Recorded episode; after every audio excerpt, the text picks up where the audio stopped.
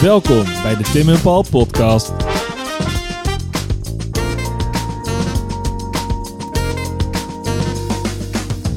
Hallo. Een hele goede middag. Goedemiddag. Nou Paul, Nummer 16. nummer 16. We blijven gestaag doorgaan, Ja, ondanks het winterweer. inmiddels weten wij Paul ehm, dat jij een vrecht... een Ja, wat, wat weten wij? Inmiddels weten we Paul dat jij een vrij slechte eh, relatie hebt met het verkeer. Ja, Dat is, niet, eh, dat is Nee, geen gouden combinatie. nee. Maar Paul, welke uitvinding heeft zelfs jouw verkeersleven er een stuk veiliger op gemaakt? Ondanks alles? Een stuk, ondanks alles. een stuk veiliger opgemaakt. Eh, wat, ja, eh, als ik in een auto zit of in de, op een fiets zit, of Maakt niet uit. stoplichten? Stop. Ja, nou, dus Verkeerslichten. Verkeerslichten, ja, precies. Verkeerslichten. Daar wil ik het met jou eh, over hebben vandaag. Oké. Ehm, over het verkeerslicht. En eh, je raakte er al even aan. Dat is niet het enige wat ik, wat ik meestal aanraak als ik eh, een kruising oversteek. eh, ja, je raakte er al even aan. En ehm, er is ook hier weer een, een eindeloze woordendiscussie. dat is altijd leuk, hè? Even een kleine Ja. flashback naar onderzeeër, onderzeeboot, kanon, kanons. Duikboot. Ja. Ja. Ehm, een stoplicht zegt iedereen. Ja. Maar het is eigenlijk een verkeerslicht. Want bij een stoplicht stop je alleen maar. En bij een verkeerslicht mag je ook weer rijden. Oké. Hey. Nou, ehm, Paul, we gaan even terug naar eh, niet de Tweede Wereldoorlog. Deze Jammer. keer naar het midden van de, van de 19e Midden. eeuw. En eh, we gaan naar Londen. Altijd leuk. We gaan naar Engeland. Ja, eh, en jij mooie weet, stad, ja. ja. precies. En jij weet dat Engeland in de 19e eeuw eigenlijk het centrum is van de industriële revolutie. Het gaat hartstikke goed in het land. Mensen krijgen meer geld, krijgen, nou, eh, gaan zich vervoeren, gaan zich verplaatsen. Het wordt drukker op straat, er komt allerhande verkeer. En je kunt je voorstellen dat dat hoop verkeerschaos oplevert in die stad. Ehm, en dan neem ik je mee naar, het naar een moment in 1868. Want op dat moment werden er de eerste stoplichten geplaatst in het centrum van Londen. En wel bij Bridge Street, eh, Great George Street en Parliament Street. En jij hebt een Engelse vriendin, Ja. dus jij weet dat dat eh, zo'n beetje bij Westminster Min- Dat is Minster de Bridge, Druk daar. En Houses of Parliament. Ja, daar, daar wordt heel veel heen en weer gewandeld tussen allerlei politici en, Ja. en, en mensen die ertoe doen en zo. Ja, Ja, en die Downing Street haast. is er ja. volgens mij ook in de buurt. Ja, het ligt eraan. Het is zo'n beetje het, het, ehm, het, het, ja, het bestuurlijke centrum van Londen en daarmee van Groot-Brittannië. Ehm, en daar zijn nogal wat, wat ho- hoge omes, hoge heren, die daar ook allemaal rondstappen met hoeden op.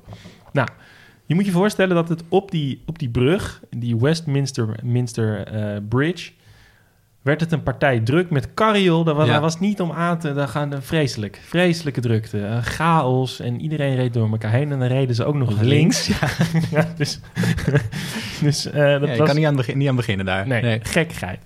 Dus dat werd eigenlijk een beetje, een beetje onprettig zo druk. En die, in die, in die hoge omes die konden niet meer goed op de stoep lopen... omdat daar gewoon allemaal, allemaal mensen moesten lopen.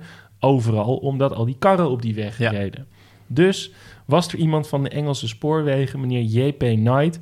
en die stelde voor eh, om daar een soort van palen te gaan neerzetten... die het verkeer zouden kunnen gaan regelen. En hij, ik zeg niet voor niks dat hij bij de spoorwegen werkte, want het principe was al een beetje in, in rudimentaire vorm in gebruik bij de spoorwegen. Ja. Want wat bedacht hij namelijk? Hij had het principe van de, van de semograaf, nee sorry, Semafoor? de semafoor, Ja. die pakte die. Ehm, en dat is zo'n ding waar dan van die kleppen uitkomen. En is waar een je hele dan- goede omschrijving van een semafoor. Ja, maar, dat, maar en waarmee je dan over langere afstand aan de stand van, een, van stokken aan een stok kon je dan letters Ja, het ziet er een beetje uit als een windmolen. En die dan, niet draait. Die niet draait, maar inderdaad met... Ja. Ja. En het principe is dan dat het kan bewegen. Ja. En dat je dus dingen kunt uitklappen. Ja. Nou, dat element nam hij eh, door aan een paal eh, dus kleppen te zetten die, die die kon uitklappen. Waar dan op stond of eh, proceed with caution. of wat was die andere nou? Kijken. Ehm, stop was de andere. Duidelijk. Stop of proceed with caution. Ja. Dat kon hij dan uitklappen. En het vette was dat er dus in die eerste, eh, in die eerste stoplichten... zat er ook een soort gaslampje aan. Dus een groen lampje of een rood lampje. Ehm, en dat is dus ei- eigenlijk gewoon wat, ja, wat, Wat is het is, Ja, ja. wat het is. Ehm, het vette is dat dat eerste stoplicht nog door een politieagent bediend moest worden. Er stond gewoon iemand bij. Dus er stond is gewoon zo'n Bobby. de godganse dag stond er dus een politieagent naast dat ding... die dan aan een soort van constructie dat ding uitklapte. Ehm, en het werd dus in, in wat zei ik, 1868 werd die eerste uh, neergezet, werden die eerste neergezet. Ehm, en in 1869 loopt het al wat minder goed af, want dan uh, ontploft de hele handel. Oh. Want door een gaslek, door die gaslampen. en Ja, risicootje. En dan Ja. raakt dus ook een van die politieagenten raakt gewond. Oh. En dan is het allemaal even wat minder. Ehm, maar het principe is natuurlijk wel een groot succes. Dat je aan de hand van dat soort dingen, dat soort uitklappende bordjes kunt regelen. Dat bepaalde mensen verkeersstromen even moeten wachten en anderen juist mogen rijden. Ja. Ehm, en dat verspreidt zich over Londen natuurlijk. En dat gaat als een trein. Het gaat naar Amerika. Ehm, en in 1912 zijn er dan in Amerika bijvoorbeeld ook al de eerste elektrische stoplichten.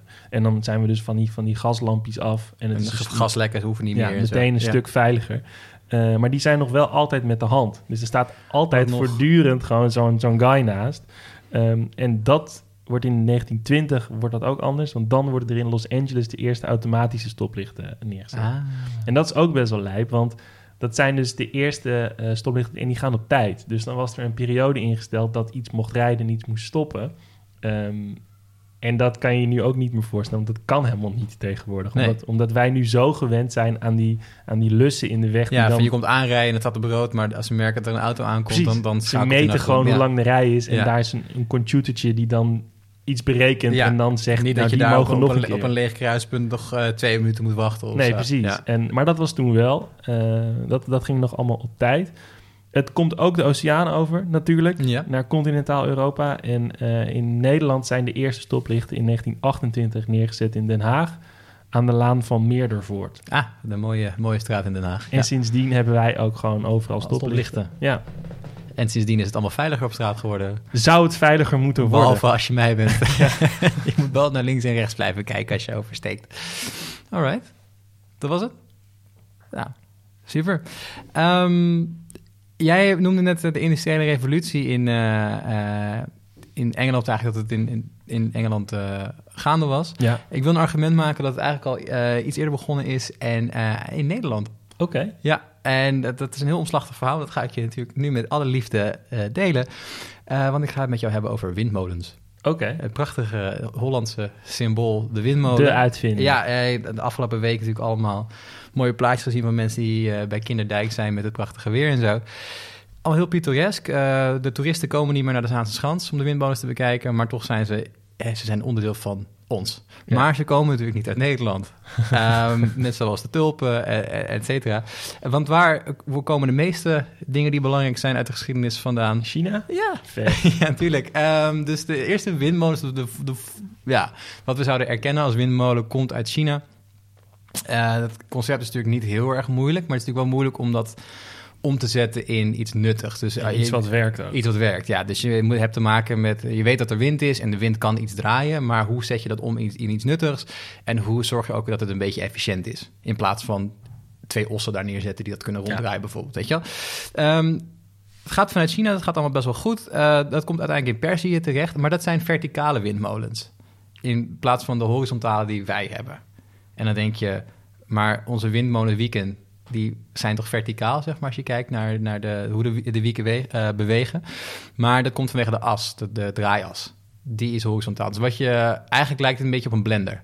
Zo'n oude windmolen. Maar hoe, hoe werkt het dan? Want Dat, ehm, ja, je zou denken, je moet hoog zijn en die wieken moeten die wind meevangen. Ehm, dan kunnen ze makkelijker rijden. Dat is ook een, eigenlijk een, een evolutie van die, van die eerste stap.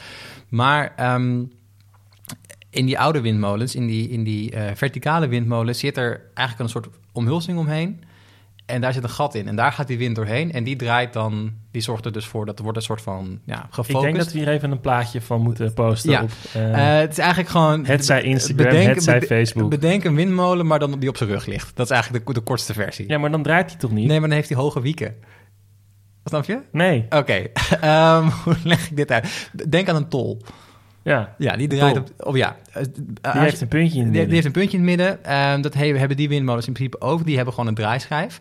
En daar staan dan in het midden van die, van die tol, zeg maar, daar staat een stang. En daar hangen dan zeilen aan. Ja. En dat draait. ja, maar als, als dan de wind van één kant komt, Ja? dan, dan waait het toch allemaal naar achter. Dan, dan kan je dat toch niet laten draaien als de wind Ja, van omdat, één omdat, er een, komt. om- omdat er een behuizing omheen zit. Waar die wind dus ingaat. Nou, dan moet het wel een verdomd chique behuizing zijn. als Nou ja, dat dat kan gewoon met steentjes. Dat is allemaal niet zo'n probleem. Eh, we zullen er even een plaatje bij Ja, gooien, we inderdaad. Maar plaatje, het, het- ja. ze zien er wat anders uit. Eh, als je ze ziet, dan denk je, oh ja, ik snap wat, ik snap wat je bedoelt. Ehm, maar wanneer komen ze nou naar Europa? Eh, de eerste gedocumenteerde windmolen is in, eh, komt uit Engeland, ehm 1185 in Yorkshire. Oké. Maar in eh 1407 in Alkmaar. Dus dat is, eh, eh, nou ja, wat is het late middeleeuwen, renaissance-achtige achtige vibe.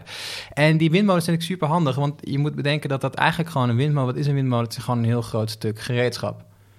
Die zware dingen kan doen voor je. En eh, dat is heel erg handig, want je kan er van alles mee mengen. Er zijn ook verschillende types windmolens voor iets, iets anders. Dus je hebt natuurlijk de, de graanmolens en dat soort dingen. Poldermolens, de pepermolen niet te vergeten, die je voor huistuin en keuken gebruikt. En verfmolens, runmolens, dat soort dingen. Ja. In Nederland zijn ze natuurlijk vooral bekend geworden vanwege de, het weghalen van het water, het inpolderen. Dat is waar wij eh, eh, ons landschap aan te danken hebben. En dan komen we uit bij de heer Leegwater. Ja. Wel eens van gehoord? Ja, sowieso. Ja, en ehm, ik ben niet de snuggerste. Dus ik had altijd gedacht, wat toevallig, dat de man die Jan Adriaan zo'n Leegwater heet, ook iets deed met inpolderen. Hè? Dat is een soort van, als je achternaam bakker, bakker is, dan word je Ja. bakker. Eh, dus ik dacht, oh, dat is heel toevallig.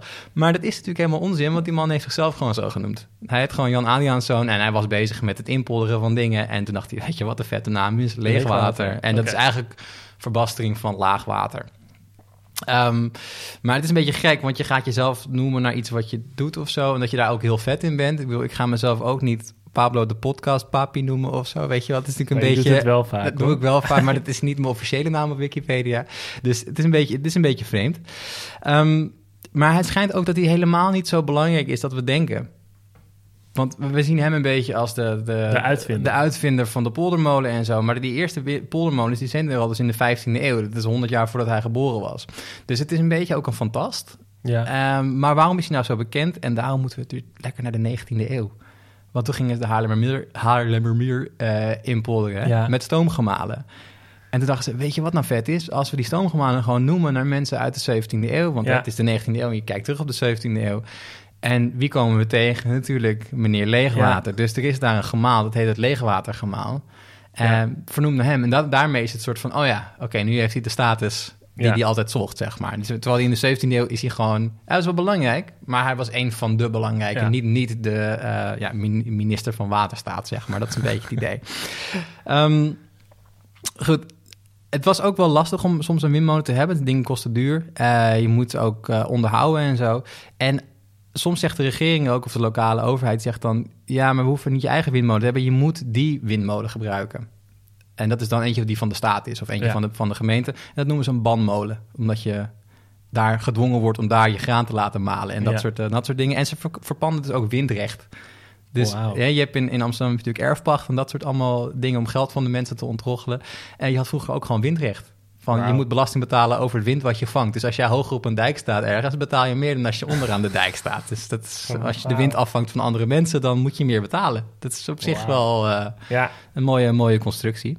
Ehm, en in het stadsbeeld zijn er nog weinig windmolens te zien. Vroeger waren ze overal. Bijna elke stad had natuurlijk windmolens om de vestigingsmuur heen. Ehm, al is het alleen maar om de geur van de stad een beetje te kunnen, Ja. kunnen verspreiden. Maar omdat de steden omheen zijn gebouwd, zeg maar, zijn uitgegroeid, zijn die vaak vervallen. En als een windmolen stilstaat, dan vervallen ze vrij snel. Dus je Ja. hebt maar een paar, het zijn allemaal monumenten natuurlijk, en die worden onderhouden. Maar dat is allemaal met, ja, door een vereniging, zeg maar. Als een windmolen stilstaat, heb je er eigenlijk weinig, weinig aan. Mijn favoriete in Amsterdam is die bij Brouwerij ja. Dat is Dat de gooier. Ja. Ja, hartstikke mooie. Ehm, staat er hoog en vier bij. En hopelijk kunnen we daar ooit weer een keer eh, een biertje gaan, eh, gaan drinken. Maar ehm, om even terug te komen waar ik mee begon. Waarom is het nou zo belangrijk? En waarom vind ik dat de industrialisatie of industriële revolutie eigenlijk begonnen is in, niet in Engeland, maar in de laaglanden? Omdat of het nou een stoomapparaat is of een windapparaat, dat maakt niet uit. Het is allemaal gemechaniseerd. Ja. Dus je kan het argument maken van ja, eigenlijk sinds, sinds de 14e eeuw, 15e eeuw zijn we in eh, West-Friesland zijn we al bezig met eh, de industriële revolutie. Ik weet niet of er heel veel mensen dat met me eens gaan zijn, maar het is een standpunt dat je kan innemen. Oké, nou, eh, daar waarvan achterpal? en Denk er vooral over na als je dit aan het luisteren bent en dan horen we graag Wat jij ervan denkt. of jullie het daarmee eens zijn of niet. Ja.